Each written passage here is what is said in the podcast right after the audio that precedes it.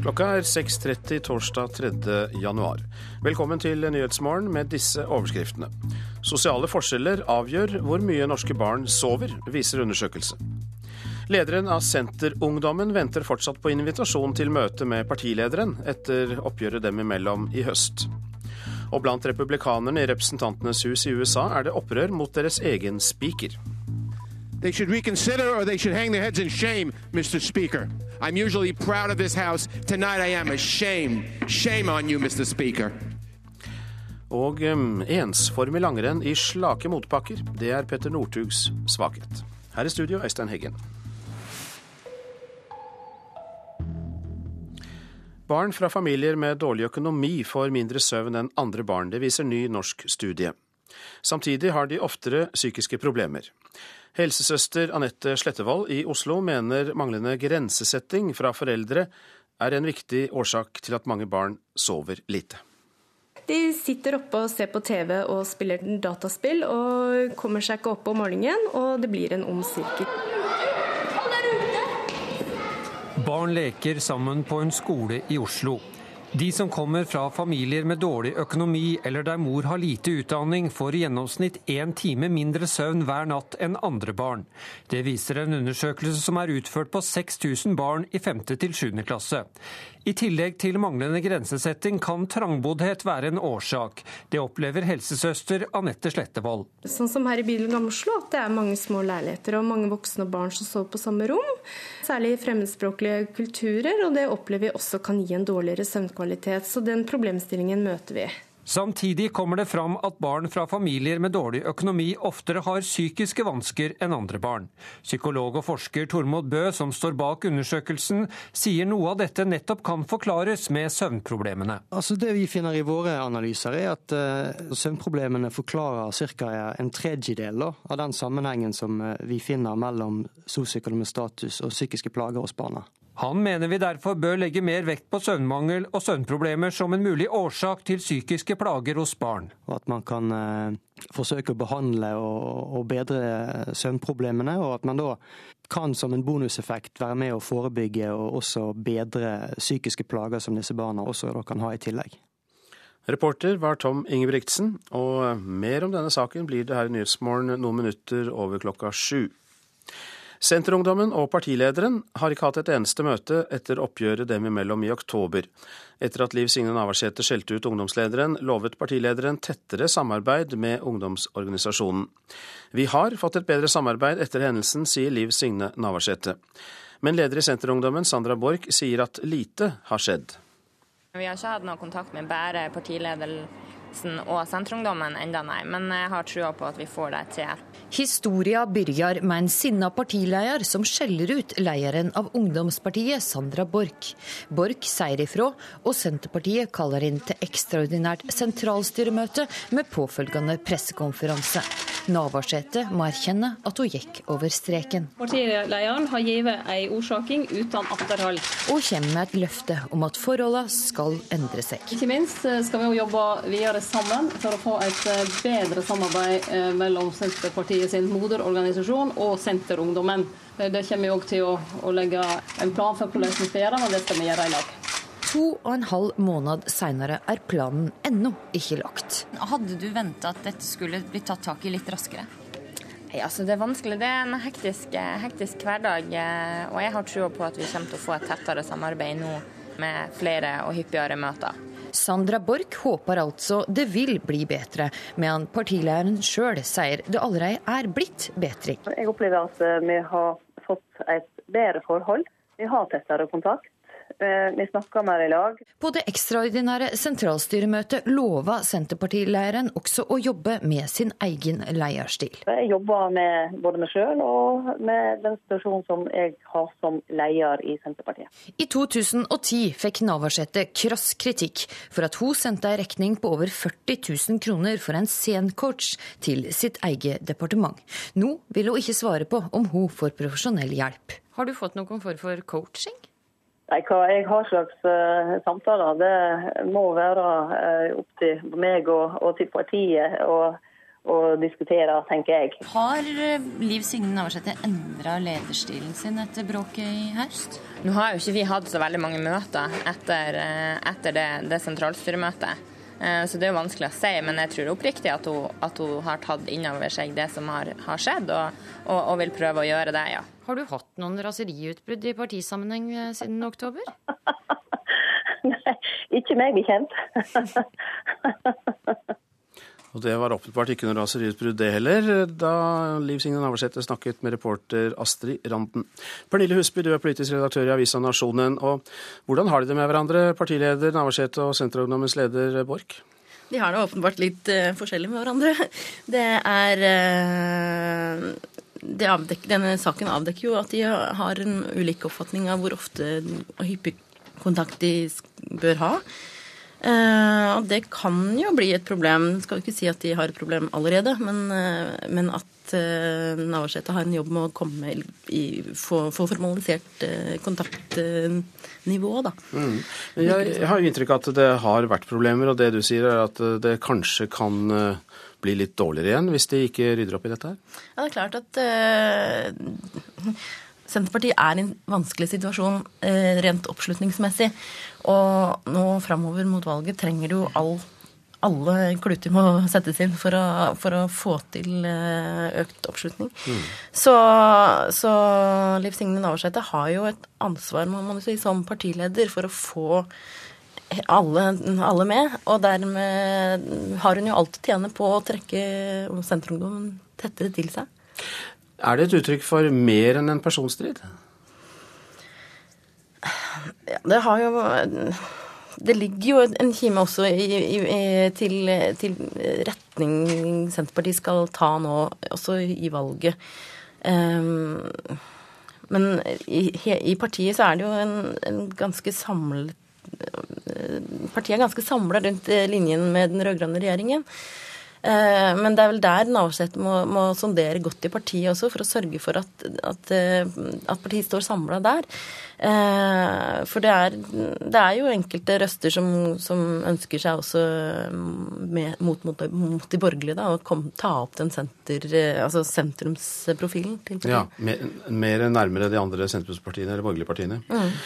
Men du, altså, nå nevnte vi jo, ble det jo nevnt i innslaget at uh, Navarsete visstnok hadde hatt uh, trening av en Zen-coach. Nå er jo ikke akkurat hun den jeg forestiller meg sitte i meditasjonsstilling. Uh, og så kommer da spørsmålet sett fra en helt annen side. Trenger man ikke ledere med futt engasjement, sånn som henne? Jeg, jeg, mener jo at den, det, det, fokuset som har vært på Navarsetes sinne har eh, tippet over til å bli litt sånn eh, politi på, på, hva slags type mennesker som skal være i lederstillinger. Mm. Eh, og, og Navarsetes engasjement på den positive siden, altså det å, det å, å, å virkelig gå høyt på banen og være engasjert i saker, er, er positivt. Og jeg tror også folk og velgerne aksepterer at man også blir sint. Men, eh, men innad i et parti og i en organisasjon så er det jo en grense for hvor eh, hvilke virkemidler man skal ta i bruk, og, og, og, når man gjør det eventuelt. Da, hvilke saker man, eh, man, man, bruker hvilke virkemidler i. Eh, og en type sånn utskjelling av ungdomspartileder eh, for egentlig politiske utspill, det, det hører jo ikke hjemme i et parti, og det demper jo også kreativiteten og, og engasjementet i, i, politiske saker. Altså eh, miljøet for å debattere viktige saker i et parti. Oppsummert, eh, Pernille Husby, tror du det blir eh, dette møtet med Borken Navarsete nå? Det er jeg ganske sikker på. Takk skal du ha. Du er altså politisk redaktør i eh, Nasjonen. Per Arne Bjerke, om en drøy time er det Politisk kvarter, og du får besøk av det vi vel kan kalle en av Norges mektigste menn. Ja, til oss kommer Statoil-sjefen Helge Lund. Han har bak seg et nytt gullkantet år med nye, store olje- og gassfunn, og selvsagt store overskudd som går rett i statskassa. Han skal fortelle om utsiktene inn i det nye året, og så skal vi selvsagt snakke om at vi er i ferd med å få en todelt økonomi, der oljeindustrien går så det suser, mens mye av øvrige, den øvrige industrien sliter. Og det er jo nok av eksperter som advarer mot at vi blir mer og mer oljeavhengige. Eller er det litt typisk norsk at vi også bekymrer oss over det som går bra her i landet? Om en time og fem minutter der, i Politisk kvarter. Nå til svineinfluensaen, for den er også på frammarsj i Sverige. Men sykdommen får på langt nær den samme oppmerksomheten som i Norge. Det sier Mia Brytting i det svenske smitteverninstituttet, som mener dødsfallet i romjula har gitt viruset større oppmerksomhet her i Norge enn i nabolandene. Ja, Ni har jo hatt et dødsfall eh, blant en ung individ, og det er jo alltid sånt som vekker oppmerksomhet. Og, og det er det som gjør at man stiller seg masse spørsmål.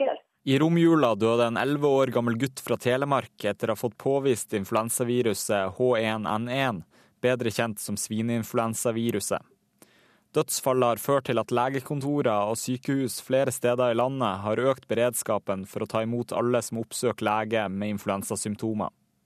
Men utbruddet er bare i startfasen, tror Hanne Nøkleby i Folkehelseinstituttet. Det har blitt veldig mange flere tilfeller i løpet av jul og nyttår. Eh, hvor stort utbruddet vil bli, det vet vi ennå ikke. Det er jo alltid litt forskjellig når det bryter ut i forskjellige land, selv nærliggende land, og svenskene er vel ikke kommet så langt som oss i år. I Sverige og Danmark er det foreløpig kun påvist et fåtall tilfeller av svineinfluensa. Men både dette viruset og det vanlige influensaviruset er på fremmarsj i begge disse landene, uten at det foreløpig skaper de samme overskriftene som i Norge. Om vi ser tilbake til pandemien 2009 når vi hadde et antall unge, friske individer som ble riktig svårt syke. Da var det jo veldig mange i Sverige som ville vaksinere seg så fort som mulig. Så det er sånne typer hendelser som gjør at, at helt plutselig så øker oppmerksomheten. Reporter Steinar Rostad Breivik. Avisene er også preget av svineinfluensaen. Nå blir det eksplosjon i influensatilfeller, skriver VG og forteller om hevet beredskap. Midt-Norge hardest rammet, skriver Adresseavisen. Overlege Andreas Ratke ved St. Olavs hospital mener det er vanskelig å si når influensatoppen er nådd. Nå tar epidemien av, det kan vi lese i Fedrelandsvennen. Når skoler og barnehager åpner, starter spredningen av influensaepidemien på alvor. Og du bør vaksinere deg nå, sier leger ved Universitetssykehuset i Nord-Norge til avisa Nordlys. Alles helse er alles ansvar, det sier Jonas Gahr Støre til Dagsavisen. Helseministeren vil gjenreise temaet folkehelse.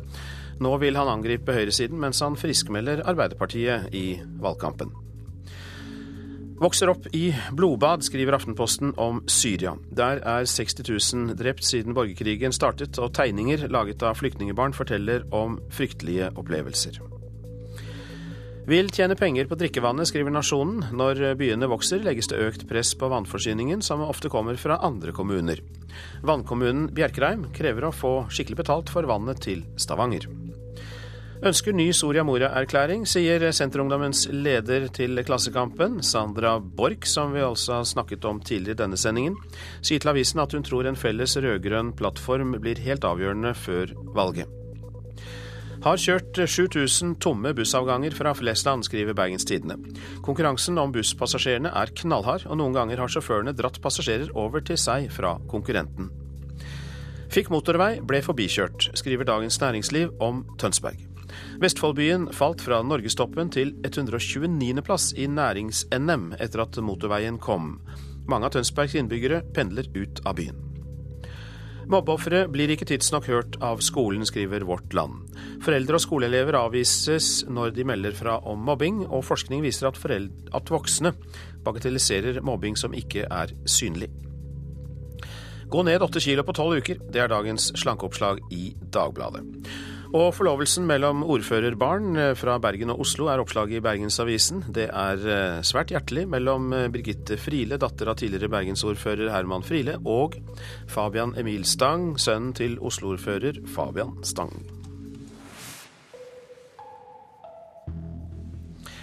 USA nå. Republikanernes leder i Representantenes hus måtte i går gjøre helomvending etter skyllebøtter fra sine egne partifeller. Sinnene ble satt i kok da speaker John Bainer ville utsette behandlingen av en ekstrabevilgning til ofrene etter orkanen Sandy. En verbal orkan skyllet over det republikanske lederskapet i Representantenes hus i går. Partifeller av speaker John Bainer var ikke nådig i sin kritikk av hans håndtering av ekstrabevilgninger for å hjelpe ofrene etter orkanen Sandy. Den republikanske kongresslederen ville ikke fremme saken for votering etter at den omstridte budsjettavtalen var banket igjennom. Ekstrabevilgningen på litt over 60 milliarder dollar var allerede godkjent av Senatet. Den foreslåtte utsettelsen i det andre kammeret fikk de folkevalgte i Representantenes hus til å skjelle ut sin leder. This is not the right thing to do. Disgusting, unworthy of the leadership of this House. They should reconsider or they should hang their heads in shame, Mr. Speaker. I'm usually proud of this House. Tonight I am ashamed. Shame on you, Mr. Speaker. De føderale krisepengene skulle gå til delstatene New York, New Jersey og Connecticut, som alle ble hardt rammet da orkanen Sandy landet for 67 dager siden. Normalt pleier det ikke å være stor uenighet om ekstrabevilgninger når naturkatastrofer herjer i USA. Denne gang havnet Sandy-ofrene i skyggen av en bitter budsjettkrangel. Den republikanske guvernøren i New Jersey, Chris Christie, var ikke nådig i sin kritikk av partifellene i Kongressen, og var skamfull over måten speaker John Boehner hadde håndtert saken på. There's only one group to blame for the continued suffering of these innocent victims the House majority and Speaker, John Boehner. Last night, politics was placed before our oaths to serve our citizens. For me, it was disappointing and disgusting to watch. President Obama oppfordret i går Representantenes hus om å besinne seg og sørge for at krisepengene ble bevilget. Men selv presidentens bønn falt for døve ører. Først da partifeller av speaker John Boehner personlig oppsøkte ham i går kveld, ble det fart på saken. Den republikanske kongressrepresentanten Peter King kunne etter møtet fortelle at allerede i morgen fredag vil bli vedtatt en første delutbetaling til orkanofrene, og at siste rest av de 60 milliardene vil bli vedtatt 15. For whatever reason, the Speaker decided not to bring it to a vote this week. Obviously, we disagreed with that, but that's in the past. The bottom line is that between uh, Friday morning and January 15th, those two votes uh, will bring in $60 billion that's absolutely necessary for New York, New Jersey, and uh, Connecticut.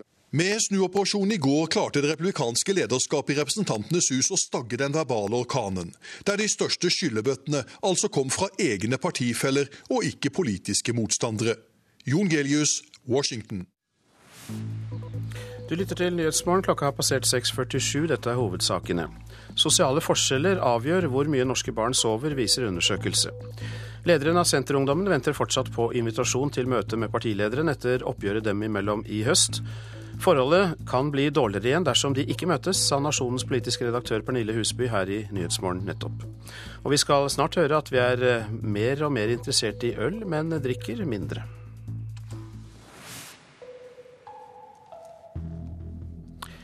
Ensformig langrenn i slake motbakker er Petter Northugs eneste svakhet i dagens lange etappe av Tour de Ski. Det mener NRKs langrennsekspert Carl Henning Gran. Kroppen til Northug er ikke bygd for dagens løype i jaktstarten i italienske Toblak. Det er mange kilometer monoton motbakke. Det er én rytme hele veien. Og Petter har en eksplosiv muskulatur. Vi håper han har trent godt på dette her, for han vet jo hva som møter han når han skal ut og gå. Jeg tror det kan gå bra, men i fjor gjorde det ikke det. I Tour de Ski for ett år siden skjedde det som ødela sammenlagtmulighetene for Petter Northug. Dårlige ski var mye av årsaken til at Dario Colonia dro fra, men tidligere landslagstrener Carl Henning Gran tror også løypa er krevende for en løper som Northug.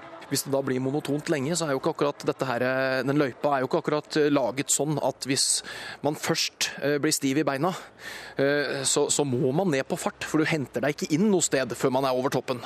Nei, Jeg tror ikke det er noe problem. Sier landslagstrener for herrene Trond Nystad. Vi har trent veldig mye på det, og han, det kommer mer an på dagsformen. Så det er ikke sånn at vi kan si at Petter er dårlig på det eller god på det. Han er god på det meste. Men hvis han har dårlige bein, så er han dårlig på det meste. Så det er liksom, Hvis beina hans er bra og skiene er bra, så mestrer han denne etappen like bra som alle andre. Og mestrer også den siste etappen like bra som alle andre. Selv er Petter Northug sikker på at han vil klare å holde samme tempo som utfordrerne til sammenlagtseieren Villeg Sanin og Colonia. Men spørsmålet er ifølge 26-åringen om de klarer å holde unna fra de som kommer bak. Jeg Dario Maxim ønsker å holde den duka vi har. og kanskje øke den. Så eh, Det er jo det så klart vi, vi, ønsker, men om vi klarer det, det er det som er spørsmålet. Reporter i Toblak, det var Geir Elle. Og jaktstarten kan du høre i NRK P1 fra klokka 12.05 i dag. Vi bruker mer penger på øl, men drikker mindre. Vinmonopolet forklarer det med at folk har fått økt kunnskap om øl, bl.a. vil mange ha kortreiste produkter. Vi har besøkt tre kamerater som har noe så sjeldent som kortreist øl fra egen kjeller. Julegruva. Julegruve med julenisse på. Og rød kork. rødkål.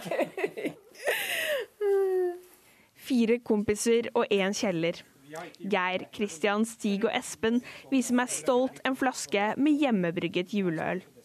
Kjelleren til Stig på Konnerud er blitt hovedkvarter for Konnerud mikrobryggeri.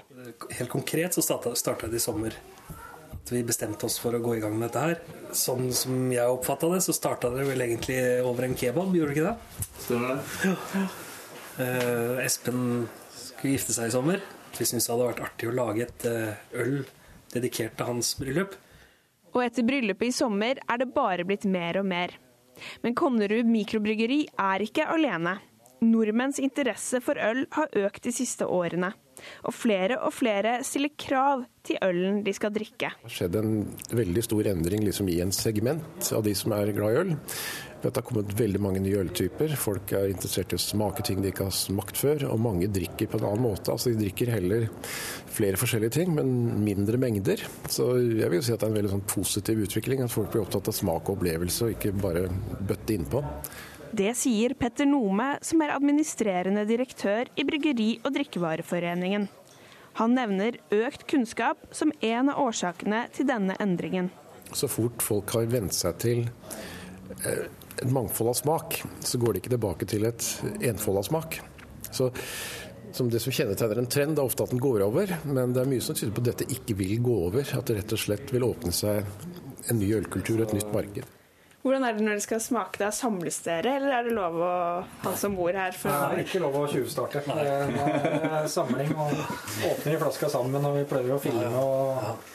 Ja, det er stort. Da, er det sånn, da hører vi på korken om det bruser og kommer litt røyk opp av flaska. og vi ser på skum når vi heller, og farge og liksom alt dette er utrolig fascinerende da, når det er sitt eget produkt. Og da er vi som små barn igjen. Det er som å åpne pakker på julaften, egentlig. Det det er utrolig artig. Informasjonskonsulent i Vinmonopolet Ida Brenden Engholt sier at etterspørselen etter kortreiste produkter går hånd i hånd med at ølinteressen i Norge har økt. Så det er en økt interesse for, eh, for lokale norske småskalaprodusenter og mikrobryggerier. Eh, ikke minst eh, juleølet har fått en veldig kraftig oppussing. I 2003 så hadde vi vel 17 forskjellige juleøl til jul. Eh, I 2008 så økte det til sånn 35, og i år så er det 60. Så eh, nå har vi mer juleøl enn noen gang.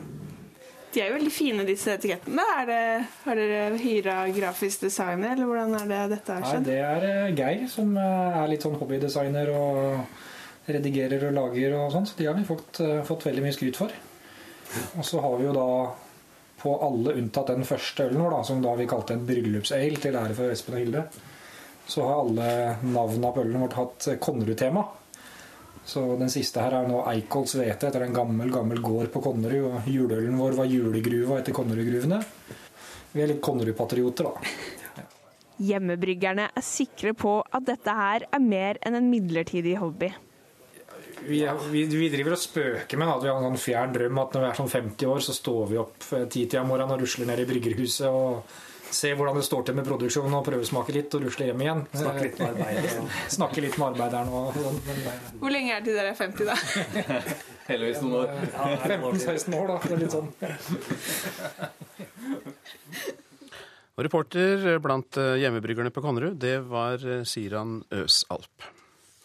I går åpnet Språkrådet 2013 med en festforestilling i Kilden teater og konserthus i Kristiansand. Språkåret skal sette fokus på alle språk i Norge, men arrangementet er egentlig for et, uh, egentlig et nynorskår, mener Riksmålsforbundet.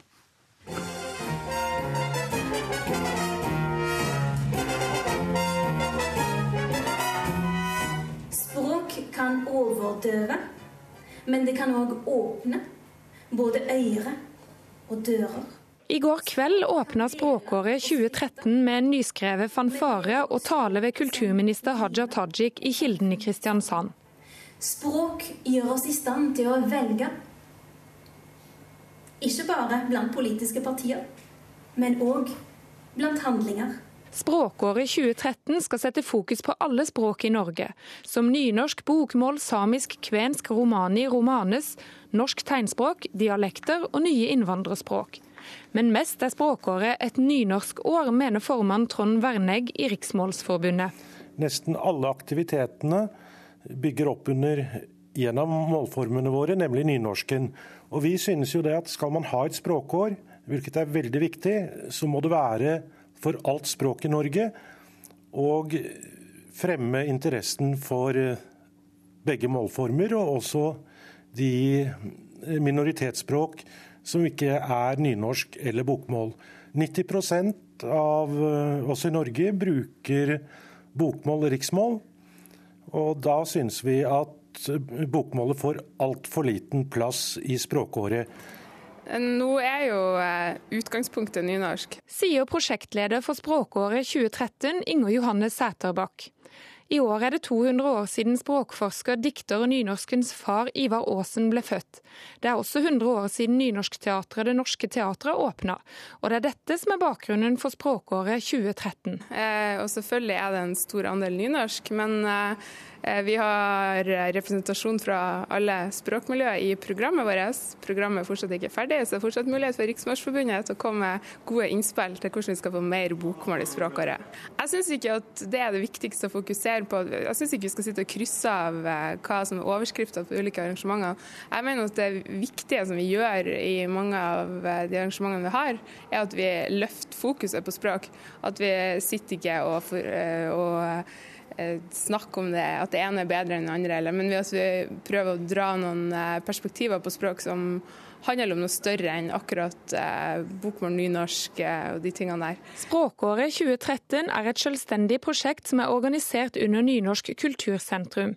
Sekretariatet ligger i Ivar Aasen-tunet i Ørsta. Kulturdepartementet støtter språkåret med 11,5 millioner kroner. Kulturminister Haja Tajik syns det er naturlig og viktig at nynorsk blir løfta fram og diskutert i språkåret. Så må vi selvfølgelig òg diskutere eh, bokmål, og vi må diskutere dialektene. Så det handler ikke bare om nynorsk, men jeg syns det er naturlig at man gir nynorsken mye plass i løpet av språkåret 2013. Kulturminister Haja Tajik til reporter Miriam Grov.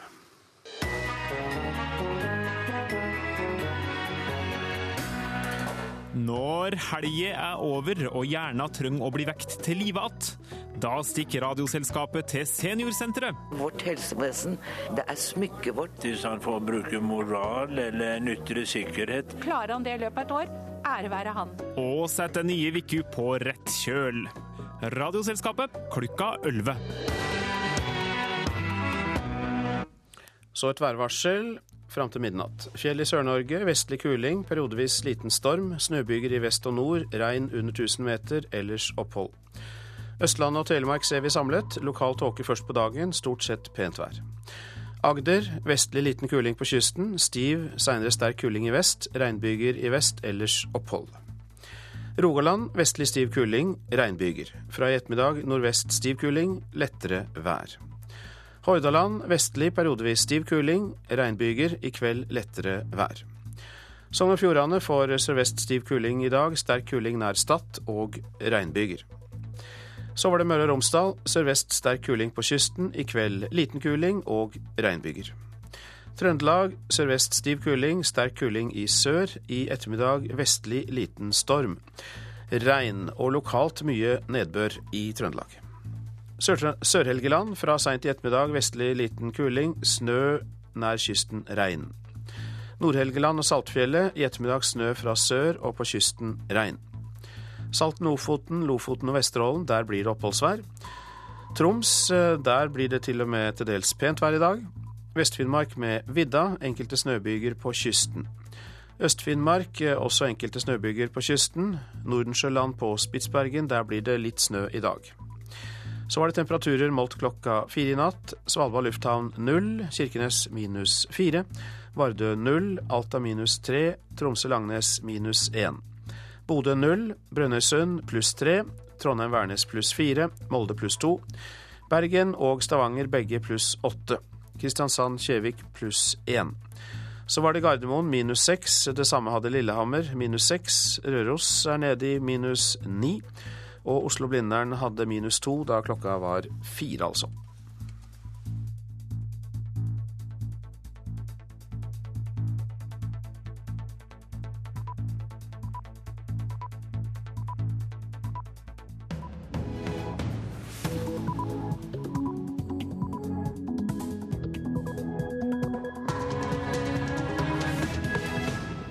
Klokka er sju, dette er Nyhetsmorgen, og her er en nyhetsoppdatering.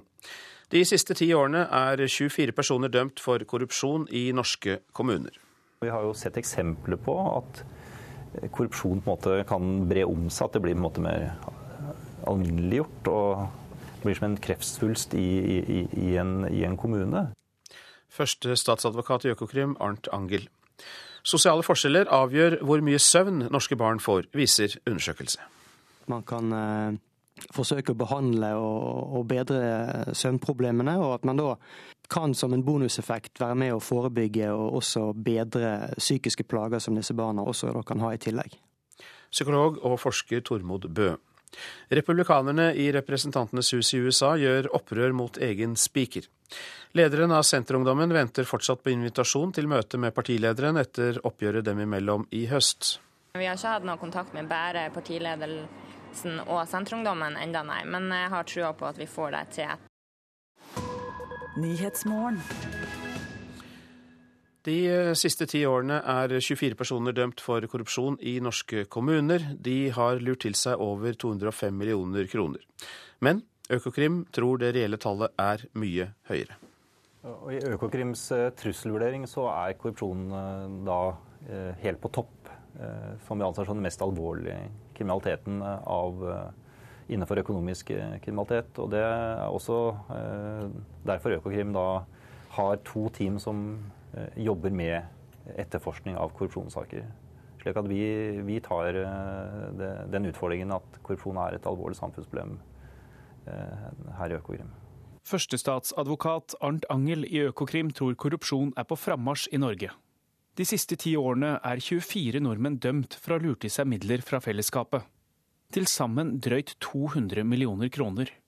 Men kostnadene de har påført samfunnet, kan være det mangedobbelte. Kostnaden av skoler som ble pustet opp dårlig, eller tjenester som ble mye dyrere enn de skulle vært, og manglende tillit. Ja, vi har jo sett eksempler på at korrupsjon på en måte kan bre om seg, at det blir på en måte mer alminneliggjort og blir som en kreftsvulst i, i, i, en, i en kommune. Men spesialetterforsker Gunnar Fjæra i Økokrim innrømmer at politiet nærmest står maktesløse overfor mengden korrupsjon de tror finnes der ute. Hvis vi skulle tatt all korrupsjon i Norge, så måtte vi jo hatt eh, en svær styrke som på en eller annen måte var mer proaktive. Eh, I forhold til sånn som det er nå, hvor du mer eller mindre venter på, på tips. Eller at pressen skriver, eller det kommer opp til overflaten gjennom varsler, eller på en eller annen måte eh, hvor vi er litt mer passive. Reporter her, det var Trond Lydersen. Guro Slettemark, generalsekretær i Transparency International Norge, god morgen. Hvor stort opplever du at eh, problemet med korrupsjon i Kommune-Norge er? Eh, vi har dessverre ikke noen gode undersøkelser som viser eh, omfanget av faktisk korrupsjon i kommunene. Men vi har jo etter hvert en del granskingsrapporter og dommer som kan si oss noe om korrupsjonsrisiko i sektoren. Ehm, og noen av disse sakene eh, viser oss at det er utfordringer knyttet til innkjøps- og anskaffelsesprosesser. Ehm, men et annet viktig tema er eh, også knyttet til eh, kommunens myndighetsutøvelse, f.eks. i plan- og bygningssaker og ulike bevilgninger.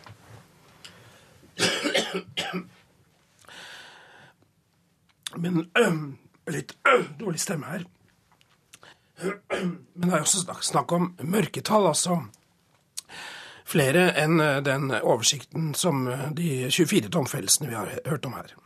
Ja, ehm, og det er klart at eh, i en klassisk korrupsjonssak så vil jo vil det være en veldig vanskelig sak å avdekke, nettopp fordi at det er to parter som kanskje har en gjensidig interesse i å holde forholdet skjult. Men vi ser jo også at det kan være faktisk litt vanskelig å anmelde forhold, og spesielt da på mindre steder. Eh, vi har også sett eksempler på at anmeldelser er blitt liggende, fordi det kan, og dette kan skyldes at det er tette bånd faktisk mellom politi og kommuneledelsen. Eh, når det er sagt, så er det nok også en nokså vanlig oppfatning eh, om at liksom, korrupsjon det skjer ikke hos oss. Fordi at man forbinder dette begrepet med penger i en brun konvolutt under bordet. Altså rene bestikkelser. Eh, og dette er nok en form som ikke er så vanlig her i Norge, men den finnes i andre former, som f.eks. For favorisering av venner og familie. Har den økt eller ikke? Det er vanskelig å, å, måle sånne ting over tid. Men eh, det er klart at, eh, at eh, pengetilførselen også til kommunen øker jo. Og dette henger jo sammen. Kommunen er jo en veldig, f.eks. en veldig stor innkjøper av varer og tjenester. Og her ser vi at, at kommunen er sårbare. Kan det være at kravene til anbudsrunder er for omfattende, slik at samfunnet hadde vært tjent med raskere behandling, og noen, at noen av de snarveiene som noen politikere bruker, likevel kunne vært akseptable? Eh, for oss så høres det ut uh, mer som en litt dårlig unnskyldning. For det er veldig gode grunner til at vi har regler om anskaffelser i Norge, og faktisk også i resten av Europa. Uh, og det er etter vårt syn et av de viktigste antikorrupsjonsverktøyer vi har. Eh, men det at vi har disse reglene, betyr jo heller ikke at vi har etablert noen vanntette systemer.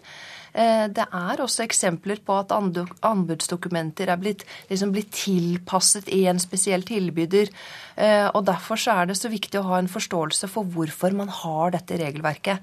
Og Det samme kan man jo si da om habilitetsregler, f.eks. Altså så mener vi at ofte så er holdninger ofte like viktig som, som reglene. Mange takk skal du ha. Guro Slettmark, som altså er generalsekretær i Transparency International. Barn fra familier med dårlig økonomi får mindre søvn enn andre barn. Det viser en ny norsk studie. Samtidig har de oftere psykiske problemer. Helsesøster Anette Slettevold i Oslo mener manglende grensesetting fra foreldre er en viktig årsak til at mange barn sover lite. De gjør som de vil. De sitter oppe og ser på TV og spiller dataspill og kommer seg ikke opp om morgenen, og det blir en ond sirkel. Barn leker sammen på en skole i Oslo. De som kommer fra familier med dårlig økonomi eller der mor har lite utdanning, får i gjennomsnitt én time mindre søvn hver natt enn andre barn. Det viser en undersøkelse som er utført på 6000 barn i 5. til 7. klasse. I tillegg til manglende grensesetting kan trangboddhet være en årsak. Det opplever helsesøster Anette Slettevold. Sånn som her i bydelen Gamle at det er mange små leiligheter og mange voksne og barn som sover på samme rom. Særlig i fremmedspråklige kulturer, og det opplever vi også kan gi en dårligere søvnkvalitet. Så den problemstillingen møter vi. Samtidig kommer det fram at barn fra familier med dårlig økonomi oftere har psykiske vansker enn andre barn. Psykolog og forsker Tormod Bø, som står bak undersøkelsen, sier noe av dette nettopp kan forklares med søvnproblemene. Altså Det vi finner i våre analyser, er at uh, søvnproblemene forklarer ca. en tredjedel av den sammenhengen som uh, vi finner mellom sosioøkonomisk status og psykiske plager hos barna. Han mener vi derfor bør legge mer vekt på søvnmangel og søvnproblemer som en mulig årsak til psykiske plager hos barn. At man kan eh, forsøke å behandle og, og, bedre søvnproblemene, og at man da kan som en bonuseffekt være med å forebygge og også bedre psykiske plager som disse barna også, også kan ha i tillegg. En enkel form for forebygging er å lære foreldre hvor viktig søvn er. Og det gjøres bl.a. av helsesøstre som Anette Slettevold. Da kaller vi inn familien og barna til et møte her på helsesøsters kontor og kartlegger litt i forhold til hvordan hjemmesituasjonen er og hvordan leggerutinene er. Og så prøver vi å komme med gode innspill og gode råd i forhold til god grensesetting. Hva slags konkrete råd kan, hva slags ting kan det gå på? Eh, det kan være ulike ting, bl.a. dette med et godt og luftig soverom før man legger seg. At det er rolig, at ikke de har, har hatt en eh, tung fysisk aktivitet like før de legger seg. Og tilbyr de også veiledning fra andre instanser hvis det er behov for det. Reporter her, det var Tom Ingebrigtsen. Nina Misvær, du er førstelektor ved Høgskolen i Oslo og Akershus og har bakgrunn som helsesøster og jobbet mye med barn og søvn. Hvilke tanker gjør du deg om disse funnene om denne sosiale forbindelsen til dette med søvn eller ikke? Det er jo utrolig interessant at vi har en norsk undersøkelse, for det er jo en helt annen betydning enn disse andre tingene vi ofte støtter oss til.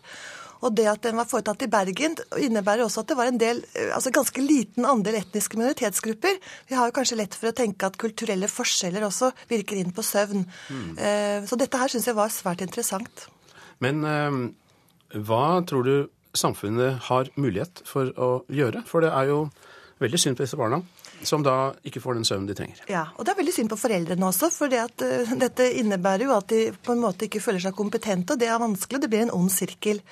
Jeg tenker at Det vi driver med på helsestasjonen fra første stund fra hjemmebesøket, og snakke med foreldre om, om, søvn og betydningen av det, er veldig viktig. Og Det å lære barnet gode søvnevaner, helst i, første, i løpet av første leveår, er en vesentlig del av dette.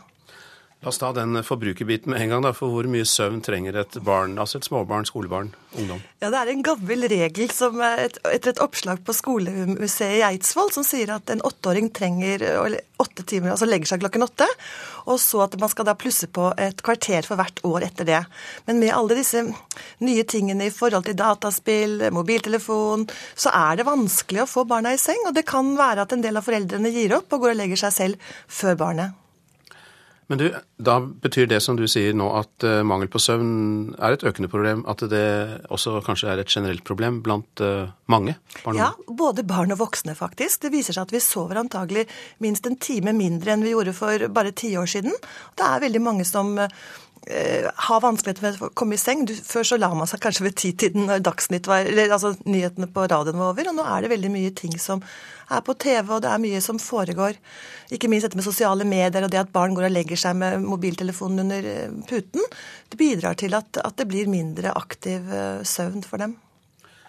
Dette er jo da et eh, fysisk problem, altså de blir slappe, slitne, men det kan vel også ha psykiske innvirkninger? Ja, det viser seg at f.eks. en undersøkelse jeg har lest, viser seg at hvis barn sov under 11 timer når de var under tre år, så skåret de dårligere ved seksårsalder på konsentrasjon og, og Eh, kognitiv forståelse. Men det viser seg også at overvekt er knyttet til dette med lite søvn. Eh, de siste fem-ti årene så har vi visst at hvis man sover lite, så har man også eh, stor risiko for å bli overvektig. Og det er også interessant, det fenomenet. Du har jo sagt litt om det, men vi, altså hvilke tiltak vi kan sette i verk? For det er lite vi kan gjøre med sosiale medier og at det er underholdningstilbud hele døgnet. Så hva, Hvilke ja, tiltak setter man inn da? Det er jo det som helsesøsteren snakket om. At det er at vi helsesøstre, det finnes en helsesøster på hver skole tilgjengelig. Og at vi gjerne ønsker at foreldrene skal komme til oss og oppsøke oss og be om hjelp og støtte. Og ikke minst så kan det være veldig nyttig for helsesøstre å snakke med barnet direkte. Dette dreier seg om barnet i, i 10-13-årsalderen, og de er jo absolutt fornuftige hvis de får sjansen til å være det. Så det å ha en dialog med barnet og diskutere og fortelle, eh, tror jeg kan være vesentlig. Mange takk skal du ha, Nina Misvær, som altså da er førstelektor ved Høgskolen i eh, Oslo og eh, Akershus. Klokka den går mot 7.13. Det er den der, faktisk, akkurat. Og dette er hovedsakene. 24 personer er dømt for korrupsjon i norske kommuner. De har lurt til seg over 205 millioner kroner. Barn fra familier med dårlig økonomi får mindre søvn enn andre barn, som vi nettopp hørte. Og lederen av Senterungdommen venter fortsatt på invitasjon til møte med partilederen etter oppgjøret dem imellom i høst. Fem menn som er siktet for å ha voldtatt og bisladet en 23 år gammel indisk kvinne på en buss i New Delhi, blir stilt for retten for første gang i dag. Kvinnen døde senere av skadene hun fikk. Mennene risikerer dødsstraff dersom de blir funnet skyldige i voldtekt og bortføring og drap. USAs utenriksminister Hillary Clinton er utskrevet fra sykehuset, der hun ble behandlet for en blodpropp mellom hjernen og hodeskallen. Legen hennes er overbevist om at hun blir helt frisk igjen, sier en talsmann for det amerikanske utenriksdepartementet. Clinton går av som utenriksminister før Barack Obama tar fatt på sin andre presidentperiode 20. januar. I Sveits ble tre mennesker drept og to såret da en mann skjøt rundt seg i landsbyen Dayon sent i går kveld. Gjerningsmannen ble sendt til sykehus etter å ha blitt skutt og såret av politiet. Motivet for skytingen er ikke kjent. I Pakistan er 13 mennesker drept i et amerikansk droneangrep nær grensa til Afghanistan. Blant de drepte er Taliban-kommandanten Mullah Nasir og fem av hans menn, ifølge pakistanske sikkerhetskilder. I går kveld så markerte det russiske TV-nyhetsprogrammet Vriema, eller Tiden, sitt 45-årsjubileum. Det sees fortsatt av uh, russisktalende overalt i de 15 tidligere sovjetrepublikkene som i dag er selvstendige. Og programmet var viktig for gjennombruddet for åpenheten i Sovjetunionen for 25 år siden. Da var du på plass, også den gang Moskva-korrespondent Hans-Wilhelm Steinfeld. Hva var det som skjedde i 1988? Jo, vet du hva, Øystein Heggen, Jeg var jo helt fra 1980 og så hvilken propagandamaskin for kommunisme dette TV-programmet Vremia var. Men så, i 88, hadde Mikhail Gorbatsjov kommet til makten, og han gjorde glasnost åpenhet til evangelium nummer én i kommunistpartiet. Og i 88 bryter dette igjennom for alvor. Da sitter en tatar som heter Edvard Sagalajev, og som var på luften i går som sjef for dette nyhetsprogrammet. Han hadde samme sosiale bakgrunn som partisjef Mikhail Gorbatsjov. Begge hadde besteforeldre som i høy grad ble rammet av den største sosiale tragedien under Stalin-tidens terror, eh, kollektiviseringen.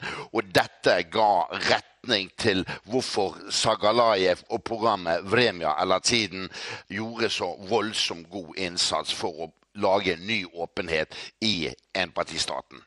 Så det var ikke nødvendigvis slik at uh, sovjetpressen, i det tilfellet da TV-programmet, bare var kommunistpartiets skjold?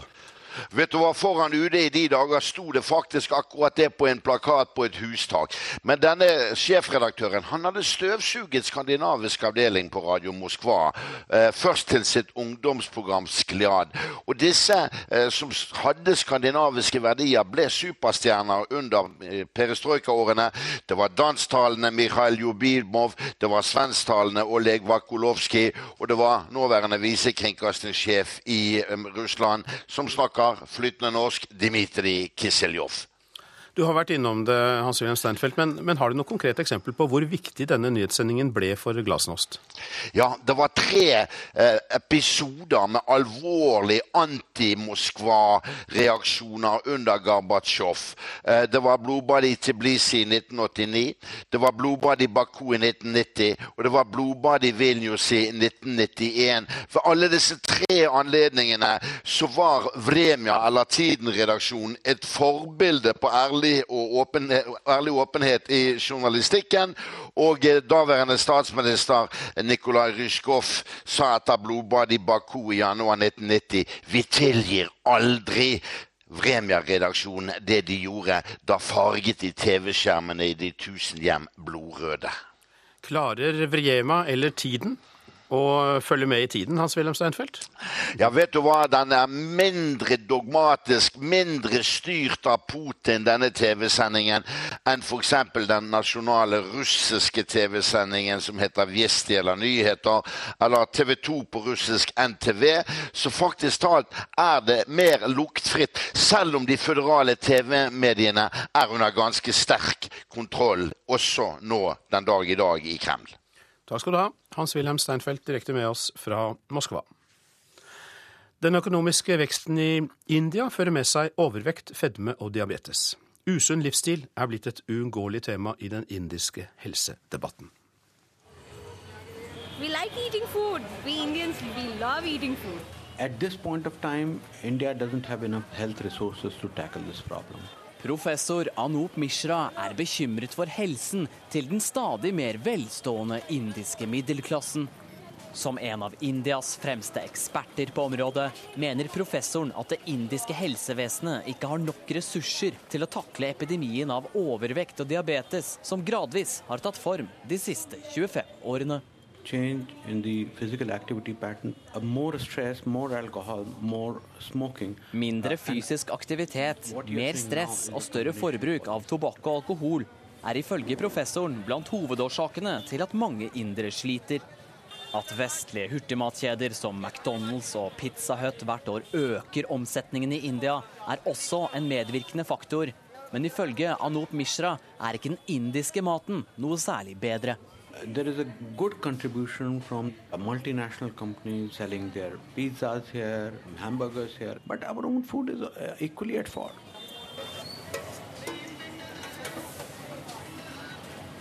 På et av Delis utallige gatekjøkken gjøres det klart til å ta imot sultne lunsjgjester. Ved kokende gryter i den brennende solsteika henger en tinnbøtte fylt til randen med noe som ligner smør. Sammen med fete oljer brukes dette i tilberedningen av mektige masalasauser, frityrstekt kylling og søtsaker. Maten, ja den er kanskje usunn, men samtidig rik på smak og svært billig for folk flest. Måltidene serveres raskt og kan lett snappes med seg mellom slagene i det travle indiske storbylivet, til lunsjkundenes store fornøyelse. The food is reasonably priced and it's popular because of the busy life that people have. Why do I like it? Because of the taste. It's very yummy, that's it. I et venteværelse på et sykehus i Delhi sitter ekteparet Muni og Rakaish Muku og venter på legetime. Muni er en av over 50 millioner diabetespasienter som lever i India. Det indiske helsevesenet brukte for tre år siden rundt 200 milliarder kroner på å behandle sykdommer som diabetes og overvekt. I go for walk in the morning and evening, and uh, I never uh, eat junk foods.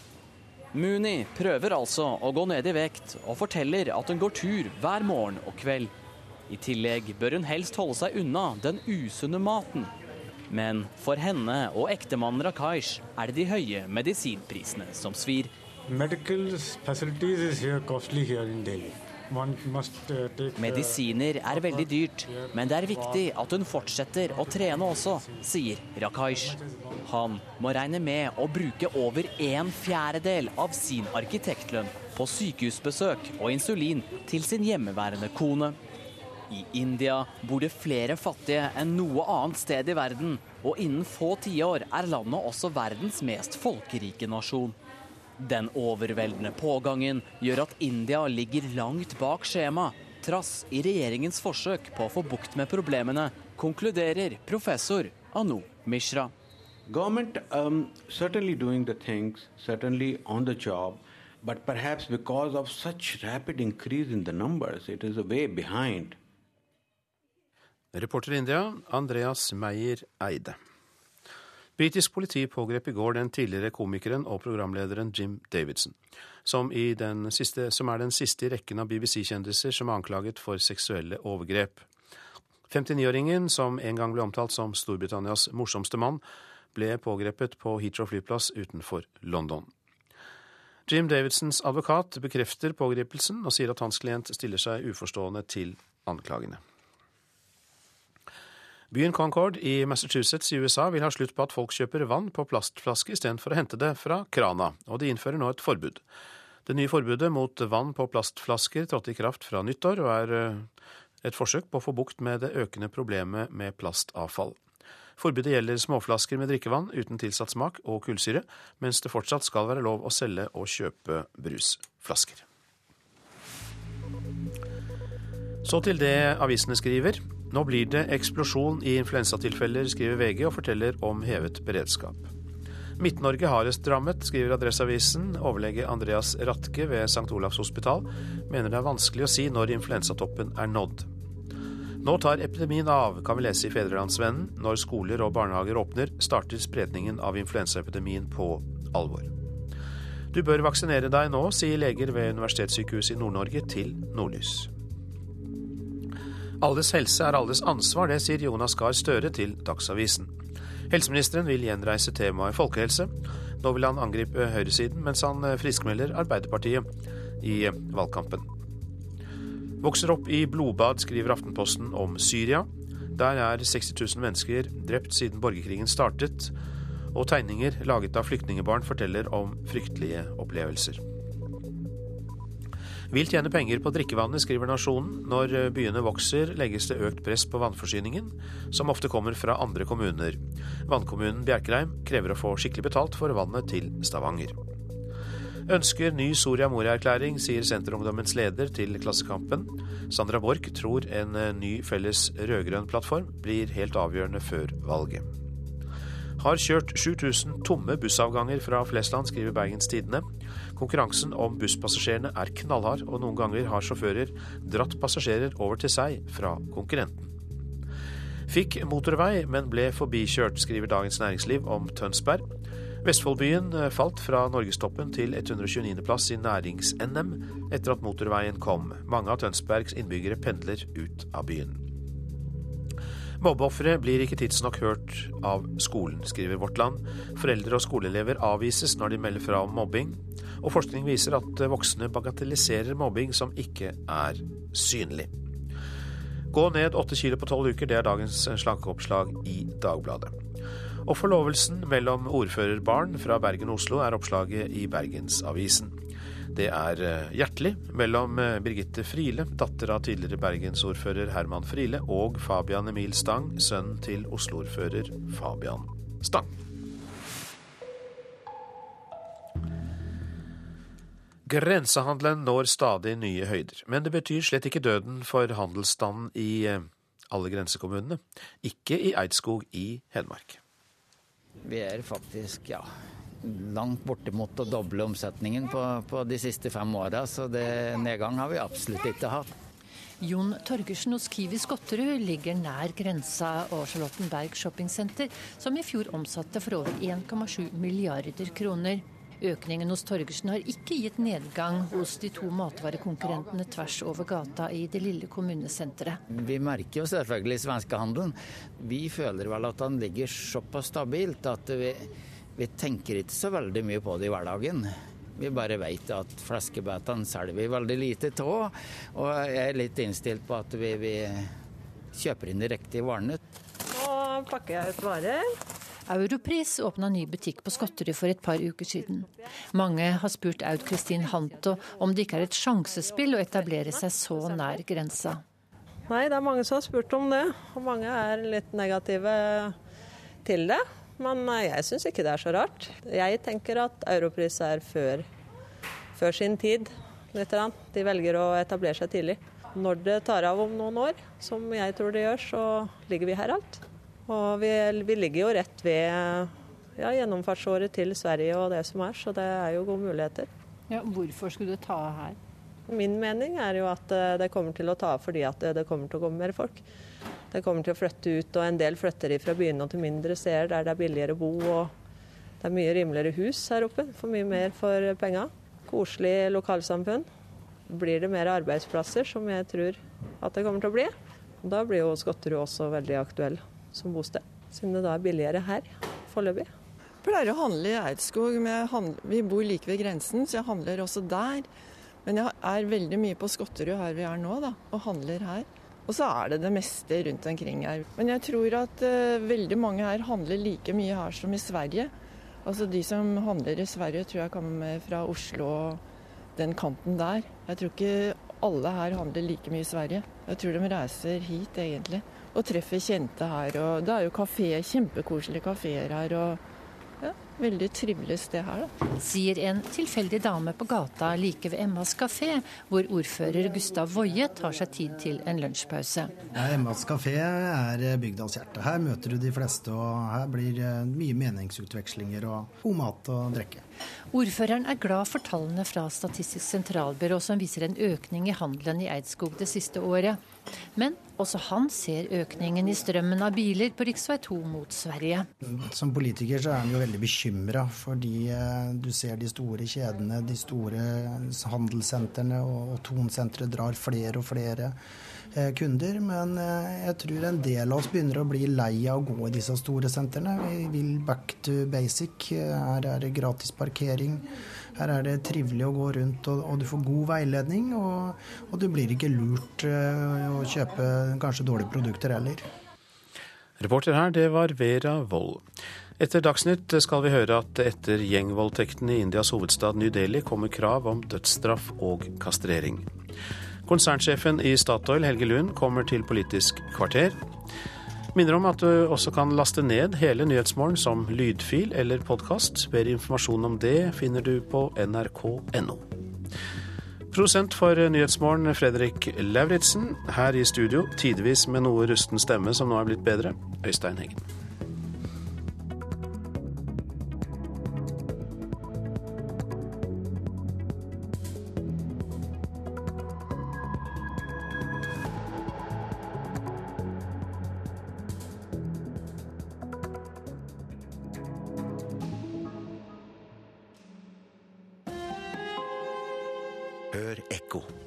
På en kald benk i Oslo ligger det en død mann med et kulehull i panna. Det er 3. januar for akkurat 100 år siden. Polfareren Hjalmar Johansen har avsluttet livet selv. Hvorfor ble aldri han en helt og et ideal for hele landet, slik som Nansen og Amundsen? Ekko 9 11 i NRK P2.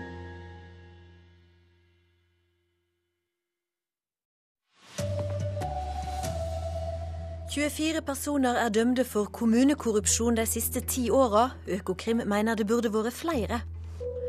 Barn som vokser opp i familier med dårlig økonomi, sover mindre enn andre barn, viser undersøking. Og medan alle snakker om svineinfluensa i Norge, gir nesten ingen det i Sverige. Her er NRK Dagsnytt klokka 7.30. De siste ti åra er 24 personer dømte for korrupsjon i norske kommuner. De har lura til seg mer enn 205 millioner kroner. Men Økokrim tror det reelle tallet er mye høyere. Mange er opptatt av eh, penger og profitt, og, er villige da til å korrumpere seg. Og Muligens har det kanskje blitt tydeligere de siste årene i, Norge at uh, folk er opptatt av materielle ting, og da er det være lettere å få folk med på sånne ting enn det var før i tiden. Førstestatsadvokat Arnt Angel i Økokrim tror korrupsjon er på frammarsj i Norge. De siste ti årene er 24 nordmenn dømt for å ha lurt i seg midler fra fellesskapet. Til sammen drøyt 200 millioner kroner. Men kostnadene de har påført samfunnet, kan være det mangedobbelte. Kostnaden av skoler som ble pustet opp dårlig, eller tjenester som ble mye dyrere enn de skulle vært og manglende tillit. Og vi har jo sett eksempler på at korrupsjon på en måte kan bre om seg, at det blir på en måte mer alminneliggjort. og blir som en kreftsvulst i, i, i, en, i en kommune. Men spesialetterforsker Gunnar Fjæra i Økokrim innrømmer at politiet nærmest står maktesløse overfor mengden korrupsjon de tror finnes der ute. Hvis vi skulle tatt all korrupsjon i Norge, så måtte vi jo hatt eh, en svær styrke som på en eller annen måte var mer proaktive. Eh, i forhold til sånn som det er nå, hvor du mer eller mindre venter på, på, tips. Eller at pressen skriver, eller det kommer opp til overflaten gjennom varsler, eller på en eller annen måte eh, hvor vi er litt mer passive. Reporter Trond Lydersen og Guro Slettemark, generalsekretær i Transparency International Norge, tror mørketallet er store. I en klassisk eh, korrupsjonssak så vil, jo, eh, vil det være en veldig vanskelig sak å avdekke, nettopp fordi at det er to parter som kanskje har en gjensidig interesse i å holde forholdet skjult. Så eh, er det nok også en nokså vanlig oppfatning eh, om at liksom, korrupsjon det skjer ikke hos oss. Fordi at man forbinder dette begrepet med penger i en brun konvolutt under bordet. Altså rene bestikkelser. Eh, og dette er nok en form som ikke er så vanlig her i Norge, men den finnes i andre former, som f.eks. favorisering av venner og familie. Barn i familier med dårlig økonomi sover mindre enn andre barn. Det viser en ny norsk studie. Samtidig har de oftere psykiske problemer. Helsesøster Anette Slettevold i Oslo mener manglende grensesetting fra foreldre er en viktig årsak til at mange barn sover lite. De sitter oppe og ser på TV og spiller dataspill, og kommer seg ikke opp om morgenen, og det blir en ond sirkel. Barn leker sammen på en skole i Oslo. De som kommer fra familier med dårlig økonomi eller der mor har lite utdanning, får i gjennomsnitt én time mindre søvn hver natt enn andre barn. Det viser en undersøkelse som er utført på 6000 barn i 5. til 7. klasse. I tillegg til manglende grensesetting kan trangboddhet være en årsak. Det opplever helsesøster Anette Slettevold. Sånn som her i bydelen Oslo, at det er mange små leiligheter og mange voksne og barn som sover på samme rom. Særlig fremmedspråklige kulturer, og det opplever vi også kan gi en dårligere søvnkvalitet. Så den problemstillingen møter vi. Samtidig kommer det fram at barn fra familier med dårlig økonomi oftere har psykiske vansker enn andre barn. Psykolog og forsker Tormod Bø, som står bak undersøkelsen, sier noe av dette nettopp kan forklares med søvnproblemene. Altså Det vi finner i våre analyser, er at uh, søvnproblemene forklarer ca. en tredjedel av den sammenhengen som uh, vi finner mellom sosioøkonomisk status og psykiske plager hos barna. Han mener vi derfor bør legge mer vekt på søvnmangel og søvnproblemer som en mulig årsak til psykiske plager hos barn. Og at man kan eh, forsøke å behandle og, og bedre søvnproblemene, og at man da kan som en bonuseffekt være med å forebygge og også bedre psykiske plager som disse barna også kan ha i tillegg. Reporter var Tom Ingebrigtsen. I USA måtte lederen for republikanerne i representanthuset i går snu etter at han hadde fått mye kjeft fra partifellene sine. Sinna ble satt i kok da speaker John Beiner ville utsette handsaminga av ei ekstraløyving til ofrene etter orkanen Sandy. De føderale krisepengene skulle gå til delstatene New York, New Jersey og Connecticut, som alle ble hardt rammet da orkanen Sandy landet for 67 dager siden.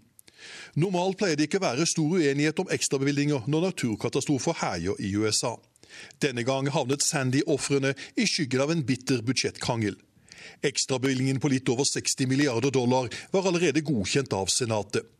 Den foreslåtte utsettelsen i det andre kammeret fikk de folkevalgte i Representantenes hus til å skjelle ut sin leder. This is not the right thing to do. I'm usually proud of this house. Tonight I am ashamed. Shame on you, Mr. Speaker. Den republikanske guvernøren i New Jersey, Chris Christie, var ikke nådig i sin kritikk av partifellene i Kongressen, og var skamfull over måten speaker John Boehner hadde håndtert saken på. For me, it was disappointing and disgusting to watch. Først da partifeller av speaker John Boehner personlig oppsøkte ham i går kveld, ble det fart på saken. Med snuoperasjonen i går klarte det republikanske lederskapet i Representantenes hus å stagge den verbale orkanen, der de største skyllebøttene altså kom fra egne partifeller og ikke politiske motstandere. Jon Gelius, Washington. Senterungdommen og partilederen i Senterpartiet har ikke hatt et eneste møte etter oppgjøret. Etter at Liv Signe Navarsete skjelte ut ungdomslederen, lover partilederen tettere samarbeid med ungdomsorganisasjonen. Vi har fått et bedre samarbeid etter hendinga, sier Navarsete. Lite har skjedd, sier leder i Senterungdommen, Sandra Borch.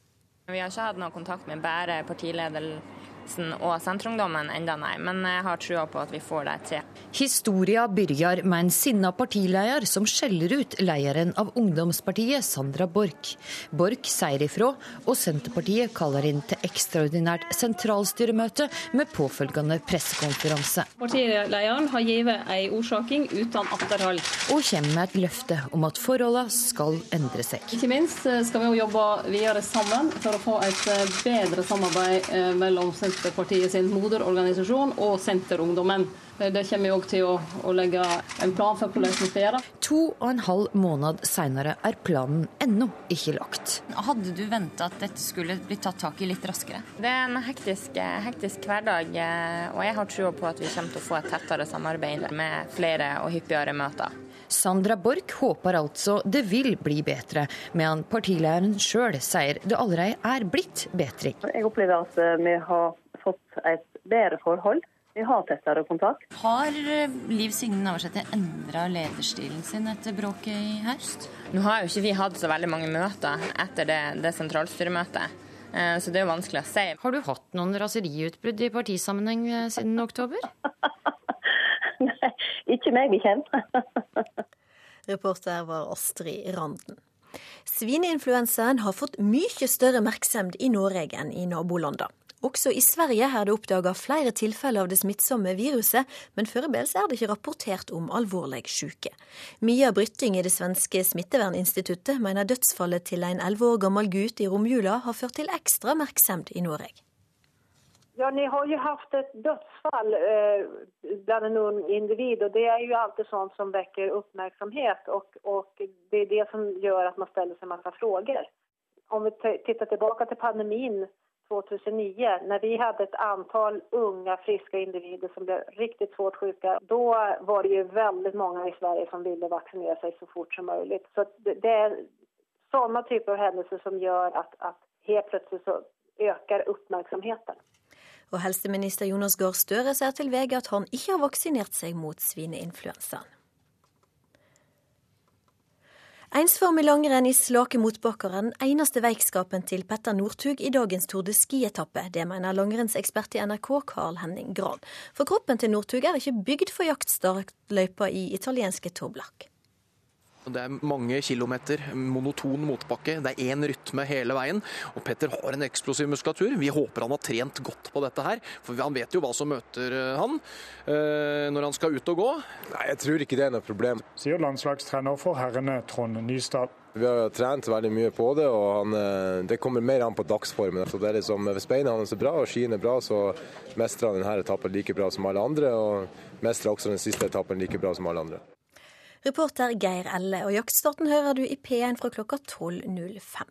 Ansvarlig for sendinga Eirik Ramberg, teknisk ansvarlig Per Ivar Nordahl, og i studio Ragnhild Bjørge. Dette er P2s Nyhetsmorgen. Gjengvoldtekten og drapet på en 23 år gammel kvinne i Indias hovedstad New Delhi fortsetter å skape reaksjoner. Familien til kvinnen krever at gjerningsmannen blir hengt.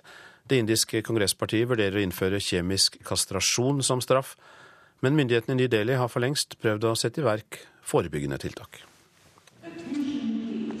På metroen har de gjort en del for å forsvare kvinner og beskytte kvinner. Der er det nå merket 'Women Only'. Én vogn er satt av bare til kvinnelige reisende. I have stopped going in the general compartment. Things are slightly better in, in, in a women's compartment. Og det er markert på plattformen med rosa piler. Central Secretariat. Station change here for the Badarpur line. Mind the gap. Kvinner i moderne indiske storbyer har en helt spesiell utfordring outsourcing. Det betyr at de jobber på en telefonsentral, et callsenter, der intetanende kunder i USA ringer et lokalt amerikansk servicenummer, som altså besvares av en engelsktalende kvinne i India. Utfordringen er tidsforskjellen. India ligger ti og en halv time foran den amerikanske østkysten. Og siden de færreste amerikanere har behov for å ringe hjelpetelefoner på natterstid, så må de indiske kvinnene arbeide på amerikansk dagtid. Det betyr kvelds- og nattarbeid, hvilket medfører arbeidsreiser på tider det ikke går buss eller metro. De må ta drosje, og da er de utsatt. Etter flere voldtekter har myndighetene i New Delhi nå bestemt at firmaer der kvinner er nødt til å jobbe sent, skal sørge for at de får drosje med vakt, og at de blir kjørt helt til døra. Det er bra, sier Shitanjali Singh i FNs kvinneprogram Unifem. Men også dette systemet har sine svakheter. They need to verify the drivers, they need to have a roster, they need to have training, and you need to ensure that the GPS system works, people use their mobiles, and they actually drop people exactly where they're supposed to, not saying, okay, now I've dropped you till the gate, you can walk this much. Because this is where it happens. Problemet er at det er stor gjennomtrekk i disse yrkesgruppene, så man må ha garantier for at drosjesjåførene og vaktene er til å stole på. Så må man ha GPS i bilen og mobiltelefoner som virker, sier Chitanjali Singh, som også etterlyser svært enkle, men konkrete virkemidler som gatelys og offentlige toaletter. Erfaringene fra metroen viser at overvåkingskameraer er effektive. Samtidig så vil vi ikke ha en politistat, sier hun og legger til. Vi må finne en balanse der kvinner har rett til å bevege seg ute, samtidig som vi ikke må gjøre dette så vanskelig at arbeidsgivere slutter å ansette kvinner fordi det blir for komplisert. Men aller viktigst folk må skjerpe seg. Øyenvitner lar dette skje. De griper ikke inn, for de vil ikke bli innblandet, sier Shitanjali Singh. Why do people watch when something happens? Why don't they respond and get involved and stop it? That is where I think the awareness campaigns also need to focus. Like, yes, you need to tell women to be more alert, insist on certain things. You need to tell men they need to be partners in the change process and they need to stop this. But you also need other people to come on board and say that it is everybody's problem. Nå har Unifem lansert en internasjonal kampanje i seks byer, Safe Cities, der New Delhi er en av byene. Change here for the Badarpur line. Mind the gap. Reporter Joar Hoel Larsen. Dette er Nyhetsmorgen, dette er hovedsakene. 24 personer er dømt for korrupsjon i norske kommuner. De har lurt til seg over 205 millioner kroner. Barn fra familier med dårlig økonomi får mindre søvn enn andre barn, viser norsk undersøkelse. Og lederen av Senterungdommen venter fortsatt på invitasjon til møte med partilederen etter oppgjøret dem imellom i høst. Og da er det klart for Politisk kvarter, programleder Per Arne Bjerke. Du har fått besøk av lederen for Nordens største industrikonsern. Ja, han har ansvaret for at milliardene fortsetter å strømme inn i statskassa, og jobber i en bransje der de fleste piler peker rett oppover.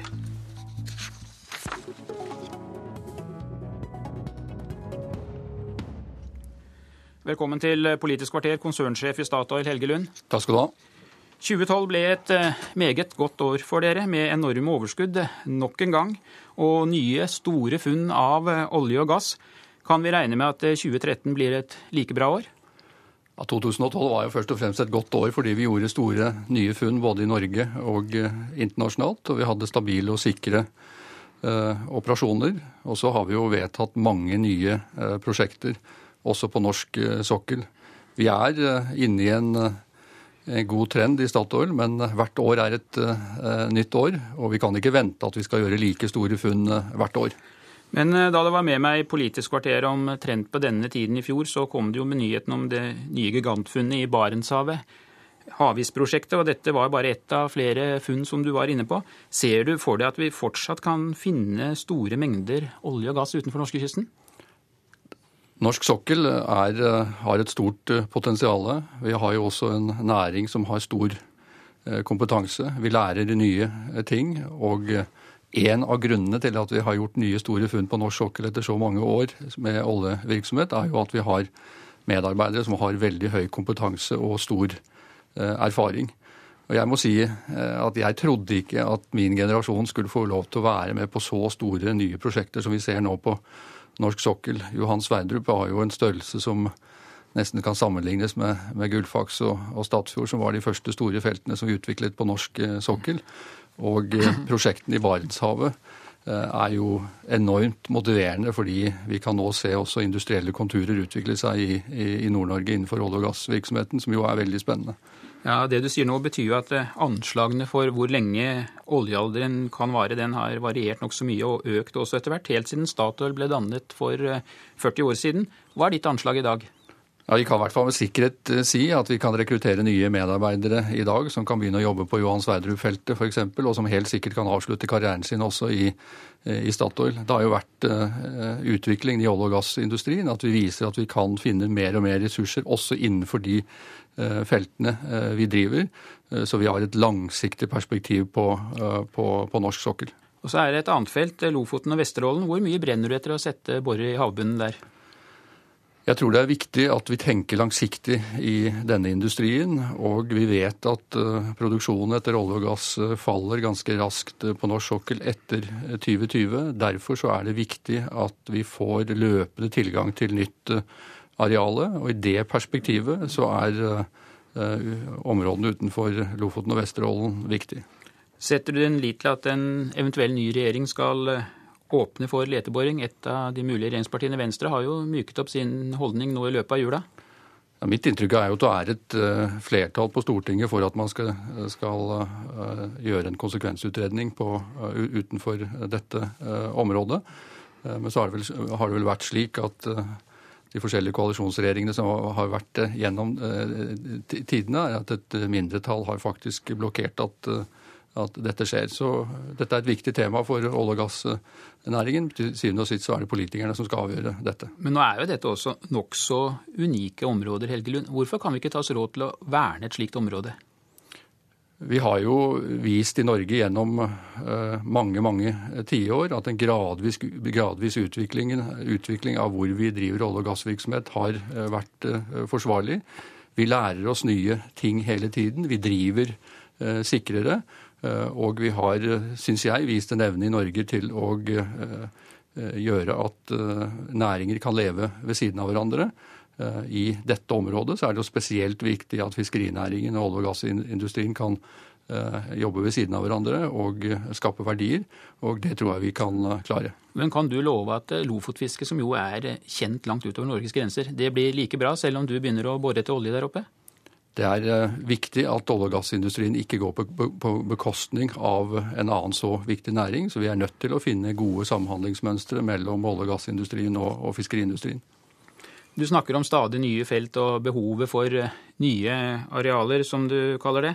Regner dere med at vi vil ha det samme behovet for olje og gass i overskuelig fremtid, eller kan alternativ energi om noen år komme til å erstatte deler av olje- og gassforbruket? Det vi helt sikkert vet, og det som alle analyser sier, det er jo at verdens energiforbruk vil øke kraftig de neste 40-50 årene pga økt befolkning i, i verden, også fordi flere mennesker kommer inn i middelklassen og dermed bruker mer energi. Samtidig har vi jo sett eh, de siste årene at oljeforbruket i OECD-området eh, går ned, mens det er en kraftig vekst eh, i Midtøsten og i, i Asia. Og alle analyser, alle seriøse analyser viser jo at både olje- og gassetterspørselen vil øke i et 30-40 års perspektiv. Så det er viktig at vi jobber med å få frem nye uh, olje- og gassressurser, men også at man parallelt arbeider med å få frem nye teknologier, slik at vi kan få fornybar energi som også er eh, effektiv og kan være en viktig del av den langsiktige energiforsyningen. Men nå kommer jo f.eks. elbilene for fullt, og de blir jo da bedre og bedre. Kan ikke det føre til en nokså betydelig reduksjon i etterspørselen etter diesel og bensin om noen år? Ja, Selv om vi legger ganske aggressive forutsetninger til grunn for uh, antall elbiler som kommer inn i markedet og andre teknologifremskritt, så viser jo analysene at uh, det fortsatt vil være en etterspørselsvekst og økning etter, også etter olje uh, og gass. Det kan vi for så vidt like eller ikke like, men, men det er situasjonen.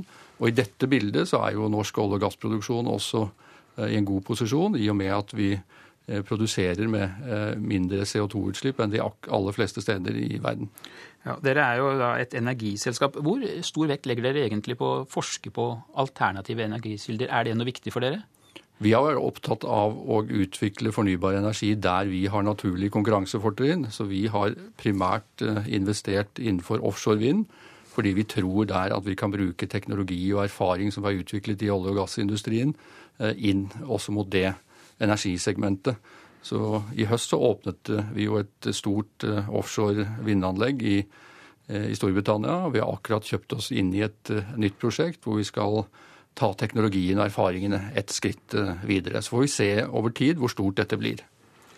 I Norge så er vi i ferd med å få en todelt økonomi, noe mange eksperter sier de er bekymret for. Oljeindustrien, som du representerer, den går så den suser, mens mange av våre tradisjonelle bedrifter sliter. Hvilket dilemma er det for deg at din bransje er med på å presse lønningene opp på et nivå som gjør at eh, andre bedrifter ikke klarer å takle det? Først og fremst må vi være glad for at norsk økonomi går veldig bra. og En hovedgrunn til det er at vi har olje- og gassvirksomhet. Vi ser jo at Norge nærmest nå er en, en øy i en verden med store økonomiske problemer. Takket være oljen? Ja. Noe av eh, utfordringen er at eh, vår industri er global, slik at det er lite meningsfylt med enkelttiltak mot olje- og gassnæringen i Norge. For da vil man bare flytte investeringene og engasjementet og teknologiutviklingen eh, andre steder. Det er også vanskelig å finne presise tiltak som kan ha, ha treffsikre virkninger for, for norsk økonomi, fordi denne industrien er langsiktig. De prosjektene vi setter i gang og, og har vedtatt uh, nå, vil vi jo investere i de neste fem til ti årene. Og i forhold til ny letevirksomhet, så er det jo slik at fra vi får tilgang til et nytt område til vi faktisk har industriell aktivitet på det området, så tar det ofte 10-15 år. Og hva vet vi om hvordan norsk økonomi ser ut om, om 10-15 til, til 20 eh, år. Men det du sier nå til LO-leder Roar Flåten og alle andre som er bekymret for den tradisjonelle industrien, det er at det, det er ikke mulig å bremse den utviklingen så lenge oljeselskapene har råd til å betale nær sagt hva som helst for å få de rette fagfolkene. Jeg tror det er veldig viktig at vår næring også arbeider veldig hardt med å effektivisere og være med på å holde lønningene nede. For vi ser jo også i vår industri Jeg føler at du klarer det? Det er en, en, stor utfordring. Vi ser også nå at uh, med de lønnsøkninger som hele Norge har bevilget seg de, de siste uh, årene, så ser vi at uh, konkurransen fra f.eks. Asia er knallhard både innenfor engineering og, og ingeniørtjenester, og også innenfor fabrikasjon. Eh, for litt siden, rett før jul, så la vi en del nye kontrakter på, på et stort felt i, i, Storbritannia. Og da viste jo uh, den at asiatiske bedrifter utkonkurrerte uh, uh, våre bedrifter. Først og fremst pga. kostnader. Men når vi ser på utviklingen de siste årene og sammenligner oljebransjen med andre næringer, hva er ditt råd til ungdom som ønsker å gjøre karriere i industrien i næringslivet? Er det oljebransjen de primært bør sikte seg inn mot? Så Olje og energi er en veldig eh, spennende bransje. Den er global, den er veldig teknologitung, den krever enorm eh, innovasjon. Og vi må også være med å løse eh, et av de store spørsmålene i vår tid. Hvordan skal vi på den ene siden skaffe nok energi, og på den andre siden sørge for at CO2-utslippene eh, reduseres. Så jeg tror dette er en veldig veldig spennende bransje for unge mennesker å, å, å komme inn i. Tenker du noen gang på hva som skal skje med Norge den dagen oljeeventyret tar slutt? For det tar jo slutt en dag, selv om dere stadig finner nye felt. Jeg tenker at olje- og gassindustrien er en katalysator for innovasjon, teknologiutvikling, og at man er med å reise og øke det generelle kompetansenivået i Norge. Jeg vil nesten si at det er naturlig å sammenligne med den rollen som romfartsindustrien eh, spilte i USA på 60- og 70-tallet, som jo var en katalysator for å heve kompetanse eh, og innovasjonsevne, og dermed økte amerikanernes konkurransekraft. Slik tror jeg også vi må Eh, må, må, tenke i Norge. Og jeg er helt sikker på at den kompetansen som vi utvikler i olje- og gassnæringen, den vil ha bred anvendelse også andre steder. Det er også veldig interessant at vi ser en økning til realfagsstudier. Jeg tror vi nå kan utdanne om lag 6000 ingeniører eh, i, i, i, Norge og, og dette i året. Og dette er også, syns jeg, motiverende å se at vi kan spille en rolle i å utvikle kompetansenivået i Norge generelt. Ja, du snakker og sammenligner med romfarten, og der er du inne på et utviklingstrekk vi har sett eh, mye av de siste årene. For Norge har jo da utviklet en betydelig leverandør- og teknologiindustri. Hvor mye av dette kan vi dra med oss videre den dagen oljebrønnene er tørre? Jeg tror at uh, mesteparten av den kompetansen som vi utvikler her, kan brukes og anvendes i andre andre høyteknologinæringer. og det tror jeg er ett viktig perspektiv på olje- og gassbransjen i Norge. Ser du i det hele tatt noen ulemper ved at Norge blir mer og mer oljeavhengig for hvert eneste år? Jeg tror vi først og fremst må tenke på den betydningen det har for kompetanseutvikling og kompetansekraft. Så er det klart en del utfordringer med dette uh, også. Vi ser press uh, på andre næringer, og der, dermed er det også viktig at Statoil og andre bedrifter innenfor olje- og gassnæringen også er med på å jobbe med forbedringstiltak, effektivisering, og er med også på å, å, å moderere lønnsnivå. Er det litt eh, typisk norsk dette at vi bekymrer oss også over det som går bra her i landet? Jeg tror Gro Harlem Brundtland sa i sin nyttårstale i 1992 at det er typisk norsk å være god. Eh, det er vel ikke slik at eh, vi automatisk er gode, og vi ser jo nå at det er et enormt konkurransepress fra omverdenen rundt oss. Så jeg tror heller i dag vi skal si at vi er gode, men vi er ikke gode nok. Og det setter en ramme rundt at vi alle, uansett om vi arbeider i olje- og gassindustrien eller andre steder, skal Norge være konkurransedyktig i 10 og 15-20 år fremover, så må vi hele tiden eh, forbedre oss. Og det er det perspektivet som Statoil har på sin virksomhet. Vi har eh, den siste tiden, og det kommer sikkert til å bli mer av det fram mot valget, en debatt om statlig eierselskap. Hvordan syns du det er å ha staten som hovedeier? Staten har vel nå 67% av aksjene i selskapet ditt? Jeg mener at uh, hovedgrunnen til at uh, norsk oljepolitikk har vært så vellykket, at vi både har utviklet en sterk industri, men også hvor mesteparten av inntektene har gått, gått, til det norske folk, kommer av at vi har hatt veldig klar rolledeling på, på norsk sokkel. Hva skal regulator gjøre, hva skal politikere gjøre, og hva skal oljeselskapene gjøre? Og Det er ingen tvil om at det er eh, norske politikere som tar beslutninger av politisk karakter rundt, eh, rundt virksomheten. Og innenfor de rammene så tar jo Statoil styre og ledelse eh, beslutninger som skal komme alle aksjonærene til gode. Og det har jo vært en veldig, veldig vellykket modell. Ikke bare for Statoil, men, men også for Norge.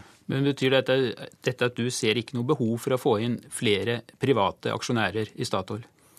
Altså det, eh, det, er ikke det som er hovedproblemstillingen eh, i dag. Jeg syns vi konkurrerer godt med de beste selskapene eh, i verden. Men så er jo det at man har den eierstrukturen man har i dag, gjør jo også at man har fleksibilitet fremover. Men det er ikke det vi jobber mest med fra dag til dag. Det vi arbeider med, er å gjøre Statoil stadig bedre. Helgelund, du sitter nå som Statoil-sjef på niende året og er jo fortsatt en forholdsvis ung mann, må jeg få lov til å si. Hva slags fremtidsperspektiv har du?